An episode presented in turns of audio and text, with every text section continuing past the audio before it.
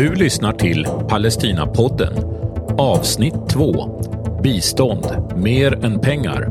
Där vi får träffa representanter för några av Palestinagrupperna i Sveriges partnerorganisationer i Palestina och Libanon samt höra historiken bakom Palestinagrupperna i Sveriges arbete med bistånd och solidaritet.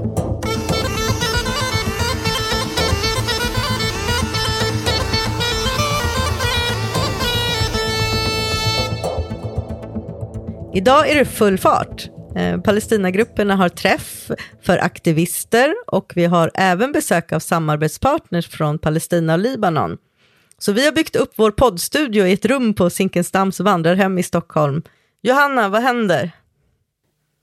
Ja, idag träffas aktivister från hela landet för första gången sedan pandemin och det är ju helt fantastiskt att äntligen kunna ses på riktigt. Och dessutom tillsammans med våra partners från Palestina och Libanon. Idag kommer vi få träffa Hanadi från organisationen Naba i Libanon.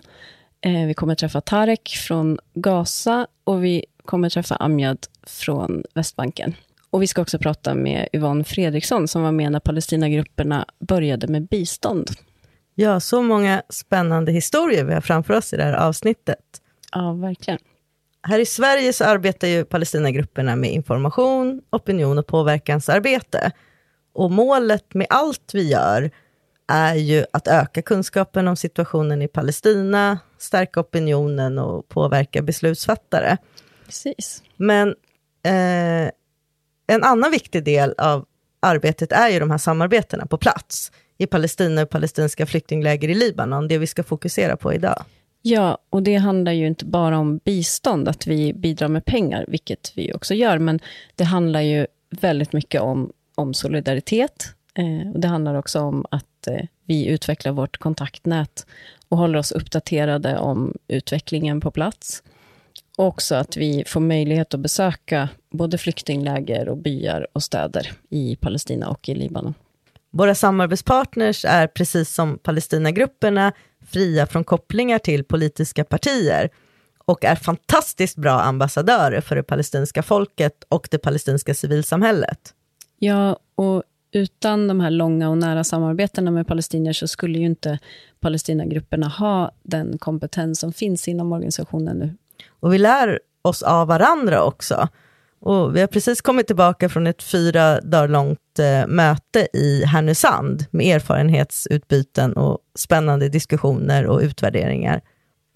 Johanna, du har ju bott flera år i Palestina. Kan inte du berätta om någonting som du har tagit med dig från den tiden i ditt liv idag? Ja, det är alltid så svårt det där när man ska välja ut någonting, men jag kan väl säga så här att det går ju inte att fullt ut förstå situationen i Palestina genom att läsa sig till den eller att se filmer till exempel. Eh, det är också viktigt, men att vara på plats är ju, hur insatt man än är, en ganska omskakande upplevelse ofta, på både bra och dåliga sätt. Eh, framförallt att det sjunker in att det är människor, eh, barn och kvinnor och män i alla åldrar som lever i den här ockupationen under ett enormt förtryck som är svårt att beskriva i ord, men som verkligen sipprar in i alla delar av människors liv. Och ändå så pågår på något sätt en vardag. Ja, det här blir klyschigt hur man än försöker beskriva det, men att människor är så starka och kämpar liksom mot alla odds är väl det som jag har med mig framför allt. Och man förstår hur mycket solidaritet betyder. Ja, verkligen. Eh, hur mycket det på riktigt betyder att palestinier eh, behöver hopp. Eh, de gör i princip allt de kan under de omständigheter som råder i Palestina. Eh, och de kan inte ensamma rå på de strukturer som håller dem fast i den här ockupationen. Den så kallade tillfälliga ockupationen som har pågått i över 50 år nu. Palestinagrupperna har ett 90-konto. Genom månadsgivare, enstaka gåvor, insamlingskampanjer och bössor ute på stan så kan Palestinagrupperna ge bidrag till sina samarbetspartners i Palestina och Libanon. samt till andra organisationer som delar Palestinagruppernas värderingar. Tack vare insamlingen så kan Palestinagrupperna söka bidrag från givare som exempelvis Forum Civ. Idag får Palestinagrupperna stöd för ett program med sex stycken samarbetspartners som alla arbetar med barn och unga. En sportklubb och ett aktivitetscenter i Abodis på Västbanken. Ett aktivitetscenter i flyktinglägret Askar, även det på Västbanken. En ungdomsorganisation i Gaza och två organisationer som arbetar med palestinska flyktingar i Libanon. Du kan läsa mer om detta på Palestinagruppernas hemsida. 90-kontot kontrolleras av Svensk insamlingskontroll och Palestinagrupperna är medlemmar i Giva Sverige. Yvonne, du har varit aktiv i Palestinagrupperna sedan organisationen bildades 1976. Och det skulle vi egentligen vilja höra allt om, men det får tyvärr bli en annan gång. Idag ska vi prata om våra samarbeten, eftersom vi har gäster här från Palestina och Libanon. Hur kom det sig att PGS ens började med bistånd? Var det självklart? Ja, när Palestinagrupperna bildades 1976 så visste folk i Sverige väldigt lite om situationen för det palestinska folket och de palestinska flyktingarnas situation. Vi hade då många medlemmar med medicinsk bakgrund och det diskuterades inom organisationen hur man skulle kunna använda detta som en del av det politiska stödet för palestiniernas rättigheter enligt FNs resolutioner. Och kampen om ett fritt Palestina fördes då från Libanon och 1977 åkte ett gäng unga läkare till Beirut för att träffa ledarna för palestinska Röda halvmånen och se om de hade behov av hjälp och stöd från solidaritetsrörelsen. Och det hade de då det bestämdes att PGS skulle skicka medicinska team till Rashidie i södra Libanon. Och när de återvände till Sverige bildades ett medicinskt utskott inom Palestinagrupperna och arbetet började för att rekrytera läkare, sjuksköterskor, laboratorieassistenter och andra. Och eh, det som reste stannade ofta i tre, fyra månader som obetalda volontärer. Och efterhand förändrades Palestinagruppernas arbete i Libanon och PGS flyttade norrut till Dar el-Bared och Bedawi och var med och byggde upp Community-Based Rehabilitation i norra Libanon. Också detta i samarbete med palestinska Röda halvmånen. Du nämnde i början att, det skulle vara, att biståndet skulle vara en del av det politiska stödet. Kan du utveckla det lite? Vad var, det här, vad var syftet med att skicka volontärer? Ja, syftet med teamen var att arbeta tillsammans med palestinsk personal på Röda halvmånens klinik i Rashidie. Och sedan vid hemkomsten, som var det viktigaste arbetet, att hålla föreläsningar och skriva om det som de hade upplevt och om de palestinska flyktingarnas situation i Libanon. Okej, så det började i Libanon. Men hur gick tankarna sen då, när biståndsdelen utvecklades och Palestinagrupperna började stödja projekt på Västbanken och i Gaza? Ja, då PLO drevs bort från Libanon 1982 diskuteras det mer och mer inom PGS att kampen för ett fritt Palestina kommer att ske i Palestina. Och det beslutades att vi skulle lägga organisationens resurser på stöd i Palestina, men fortsätta med mindre stöd i Libanon. Och ett team från Palestinagrupperna reste 1986 på fact-finding tour till Västbanken för att se om de kunde hitta någon organisation som PGS kunde samarbeta med. Och då träffade de på Palestinian Medical Relief Society som då bestod av läkare som på sin ledighet reste runt på Västbanken för att ge primärhälsovård till befolkningen, oftast i de små isolerade byarna. Sedan dess har Palestinian Medical Relief Society vuxit till att bli en av de största och bästa primärhälsovårdsorganisationerna i Palestina. Ja, och Gaza då? Hur, hur hamnade vi där? Palestinagrupperna träffade och började samarbeta med, med Gaza Community Mental Health Program i början av 1990-talet. Och organisationen har idag utvecklats till en av de bästa mentalhälsovårdsorganisationer i regionen. Både för PMRS och Gaza Mental Health Program har PGS under alla år bistått med utbildningsinsatser som de båda organisationerna efterfrågat och som vi har kunnat bidra med. Men hur blev det barn och ungdomsorganisationer då, som vi främst stödjer nu? Kan du berätta lite om de första projekten? Eh, Palestinagrupperna fick nya medlemmar i styrelsen och började arrangera resor för medlemmar till Palestina under första intifadan. De träffade organisationer utanför det medicinska under sina resor. Och på så sätt började diskussioner om att Palestinagrupperna måste vidga sina vyer utanför det medicinska och satsa på de unga som är framtiden för Palestina. Och PGS hade redan tidigare beslut om att vi skulle bara stödja organisationer som arbetar med saker som vi har kunskaper om och som har efterfrågats i Palestina. Det medicinska utskottet bytte namn till biståndsutskottet och en ny person drogs in i arbetet. De som anordnade Palestinagruppernas studieresor bodde på Cliff Hotel i Abu Dis. Och där kom diskussionerna upp om inte PGS kunde stödja ett litet barn och ungdomsorganisation i byn.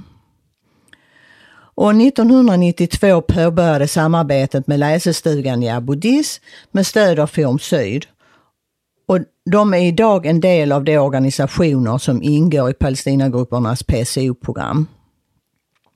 Och efter läsestugan i Abu Dis följde samarbete med Social Development Center i Askar Camp 1994, Abu Dis eh, Sportklubb 1999, Naba i Libanon och de senaste samarbetspartnerna är Al Jalil Center i Libanon och Youth Vision i Gaza. Och som vi sa från början har ju du varit med här ända från början. Om du får välja ett minne eller någon händelse från alla dina besök hos våra samarbetspartners, något som har berört dig extra mycket, vad skulle du välja att berätta för oss då? Det är svårt att välja, då det alltid finns saker som berör. Men alla mina besök med Palestinian Medical Relief Societys mobila team runt om i avlägsna byar på Västbanken eller med deras team i Gaza har berört mig då jag fått vara med om att se så mycket svårigheter men också styrkan hos ett förtryckt folk. Och det som berört mig mest vid dessa besök är att se med vilken respekt eh, PMRS anställda behandlar alla som kommit, kommer till deras kliniker och att PMRS arbetar hårt för att stärka flickor och kvinnors rättigheter. Inte bara i tjusiga tal utan framför allt i praktiken. Och när jag har sett hur Gaza Mental Health Programs personal som tar hand om och stödjer alla som behöver eh, hjälp efter Israels attacker på Gaza. Svårt har det varit att se deras ögon som är så fyllda av sin egen sorg, men att de klarar av att lägga detta åt sidan för stunden. Sedan är det så roligt att se alla barn som tack vare våra partners arbete får lov att vara barn och ungdomar och ha roligt utanför den tuffa verkligheten. Tack Yvonne för att du delar med dig till oss.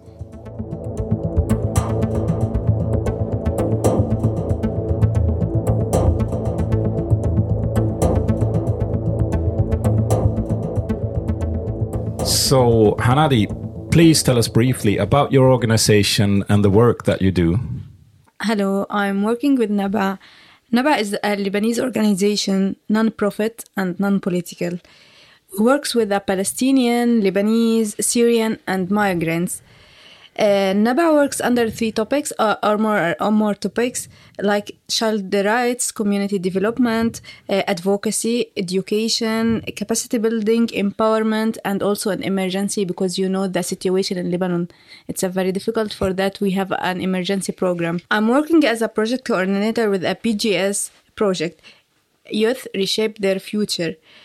Uh, we work to empower the youth to improve their psychoeconomic situation and also we work hard to enhance the leadership capacity building for girls and support them to making a decision.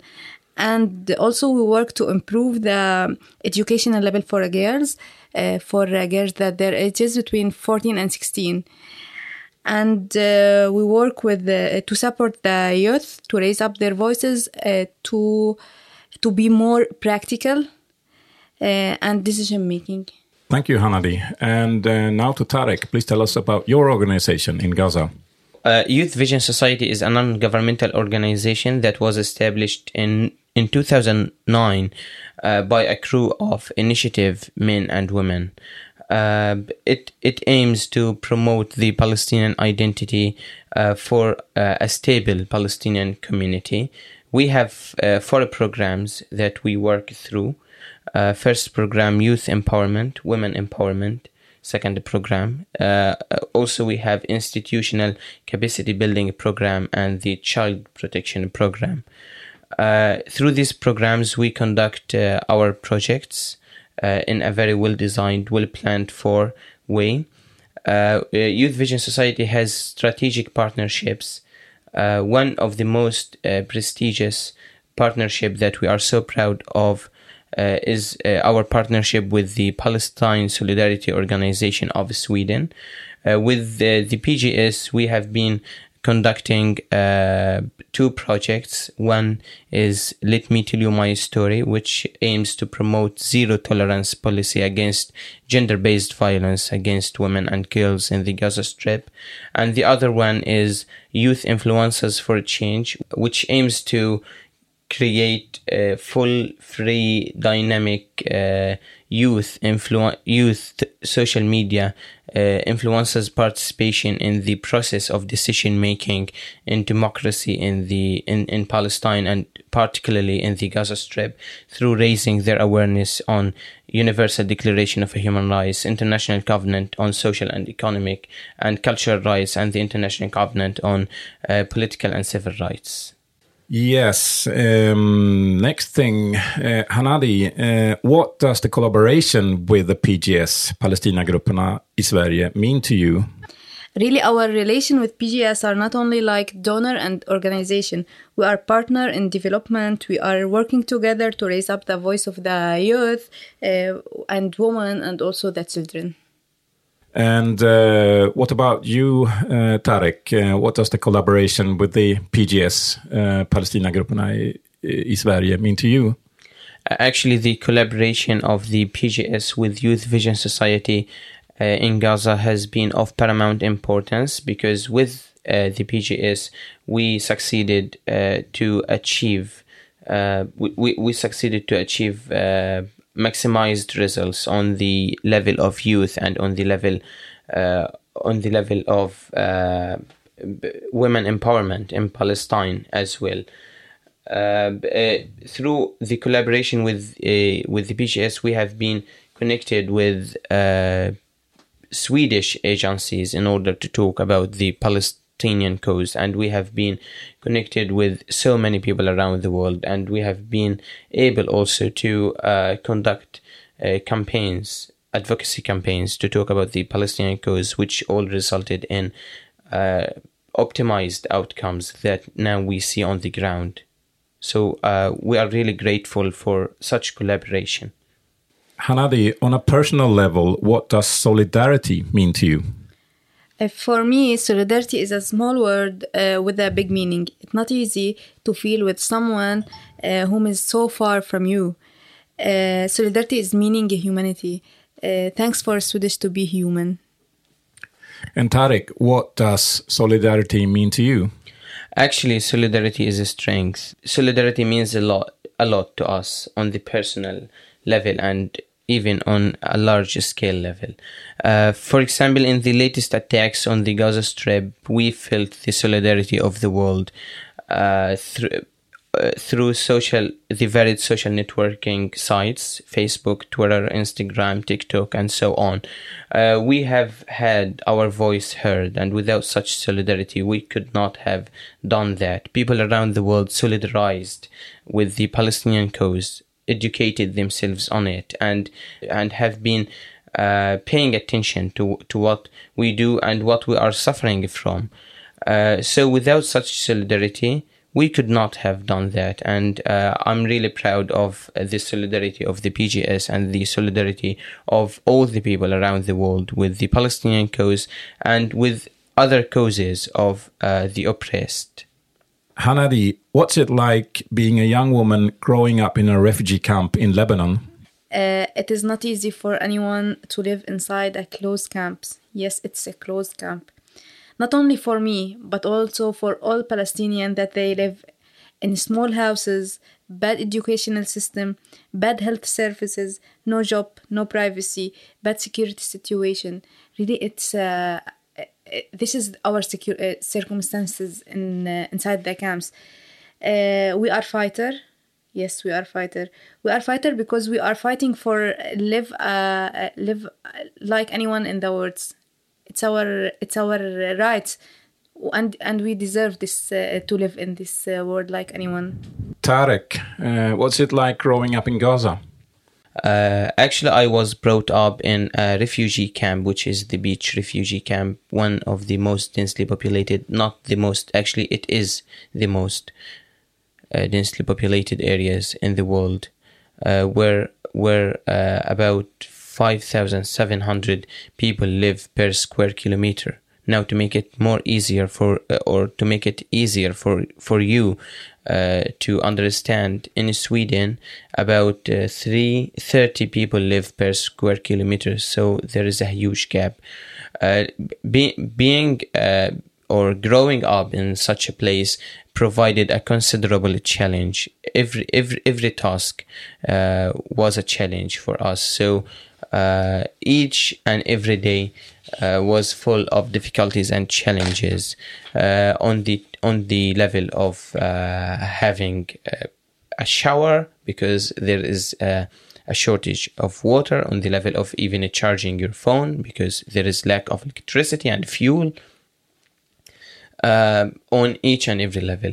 Even on the security level uh, like uh, we don't feel secured. Uh, i'm 24 years old and i experienced so far four wars. I have been uh, i have also witnessed uh, multiple escalations full scale escalations.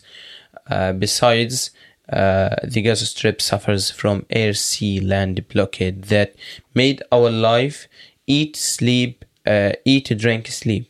There is no joy. There is no access to your rights.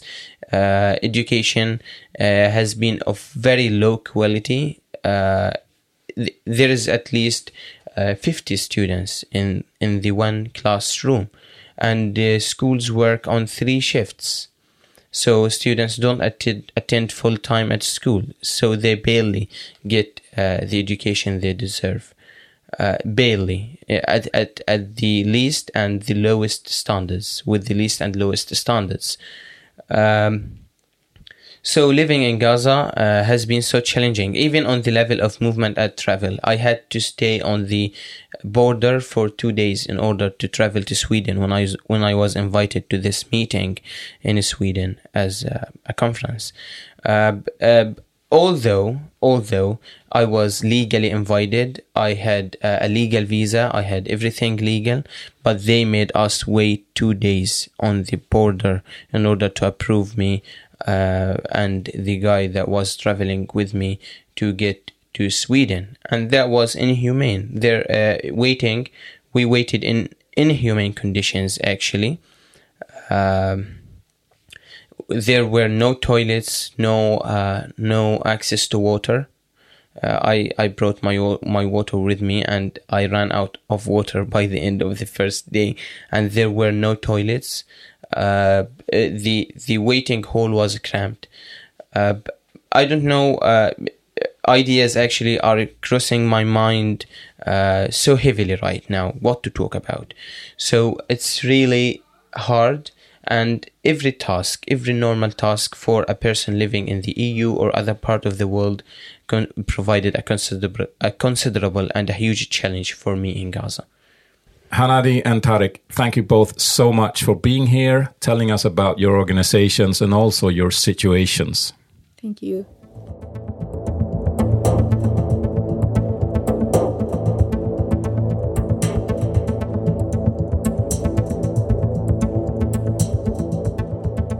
Now we have Amjad Refai with us, living in the refugee camp of Askar, situated just outside the city center of Nablus on the West Bank. Amjad is the chairperson of a youth center. Amjad, please tell us a bit about the activities in the center. Uh, okay, thank you very much for receiving uh, uh, me here. Uh, and uh, what I can say about our, our activities. Uh, first, our goal to give hope for the future for the young people, and uh, we have in our center two uh, two flats. Uh, the first one there is library, computer lab, uh, scouts, uh, dance group. We have a capacity building unit. We have a disabled center, and we are working with the youth for uh, different activities uh, like training uh, them. Music, dance, as I said to you, scouts, and they participate of everything to build the local society. What does the center mean for young people growing up in the refugee camp? Uh, Asker camp, uh, there is no, uh, uh, there is no gardens, there is no uh, sport club, there is nothing. Just we have this center. So this center is the big meaning for them, and it's mean the the second home for the young people. When they come, they feel in the second home, and it is the second school, and uh, it is the life school for them. This is what can I answer. In what way is the Israeli occupation affecting life in the refugee camp? Uh, I think the occupation uh, and especially the army uh, of Israel, they attack the camp uh, twice uh, or three times per uh, month during the night, and they are they are scared the children, they are scared the young people, and they they they steal and occupied our education, our uh, culture, our habits, our customs, and uh, I think it is not just military uh, occupation; it's uh, it's occupation for everything in Palestine, and it is very bad occupation for the Palestinian and for the young people. And now a question regarding your outlook on the future. Is there any hope? Uh, we ha- we have uh, uh, big hope that's to see Palestine free and to have our uh, human rights inside Palestine, and the second hope to see or to to save our uh, children and young people from the danger from the occupation. Uh, I hope to see Palestine free. All of us hope to see Palestine free. Amjad Rifai, thank you so much for being here, telling us about life in your part of the world. Thank you very much for you receiving uh, me here. I am very happy and uh, thanks for all Swedish people whom support Palestine and Palestinians.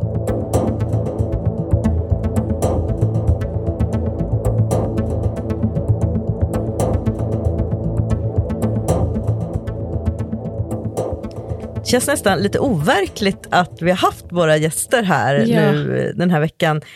Liksom, ja, två år av Zoom-möten och man har sett Ja. varandra som små fyrkanter på datan och plötsligt så är alla här och tillsammans med lokalgruppsaktivisterna. Nej, jag, jag är nästan omtumlad faktiskt. Mm, det är helt otroligt att eh, alla har kunnat träffas eh, och att de kom hit, att de lyckades komma hit till Sverige från Palestina och från Libanon. Helt Verkligen. otroligt. Ja, Och också jätteintressant att lyssna till Hanade och Tarek och Amjads berättelser idag. Och Yvonne också, som har varit med så länge och sett hur de här samarbetena utvecklats och, och vad de betyder också på plats. Och väldigt fint att de bekräftar det här som vi sa i början, att bistånd är så mycket mer än pengar. ja, att det handlar om solidaritet först och främst. Precis. Eh, Anna, du måste också berätta faktiskt vad Nasser sa till dig. Ja, eh, de fick lite tid att ge sig ut på stan här i Stockholm också och se sig omkring. Och så berättade Nasser från Abudis att när de hade kommit upp på Drottninggatan så hade de också sett några som stod med en palestinsk flagga och en bössa eh, och samlade in pengar. Så de hade gått fram och lagt pengar i bössan. Och sen hade de börjat prata, då visade det sig att det var eh, Palestinagruppernas lokalgrupp i Stockholm som Ja. stod och samlade in pengar till Palestinainsamlingen. Och eh, hur fantastiskt han tyckte det kändes att liksom han kunde gå fram och ge pengar i bössan och sen då att det dessutom var, en, att det var vår lokalgrupp. Liksom. Ja, också att de får se att det är så här vi jobbar. Vi står ute på gator och torg när det är kallt och eh, vi fryser och det är lördag och vi kanske mm, kunde ha gjort något annat, eh, varmare och bekvämare. Liksom. Men, men där står de med sina bössor för att Palestinas sak är vår sak. Om man vill lägga pengar i bössan då och inte ha möjlighet att springa runt och leta efter någon ute på stan, eh, vad kan man göra då? Ja, eh, man kan som sagt ge ett bidrag till Palestinainsamlingen. Eh, och det kan man göra genom att swisha. Och här kommer swishnumret, så fram med penna och papper nu. Nej, det finns på vår hemsida också. 123 90 11 578. Man kan också ge pengar till vårt plusgirokonto, som är 90 11 578. Ja, precis. Så det är alltså 90-kontot, fast swishnumret då blir 123 innan. Ja, typ så. Det kommer ni ihåg. Tack för att ni har lyssnat. Du har lyssnat till Palestinapodden med Johanna Wallin, Anna Wester och Per Skytt. Där Yvonne Fredriksson, Hanadi Miari, Tariq Abu Halima och Amjad Refai intervjuades. Palestinapodden produceras av Palestinagrupperna i Sverige. För tekniken svarade Per Skytt. Musik Akram Abdel Fattah och Per Skytt. På återhörande.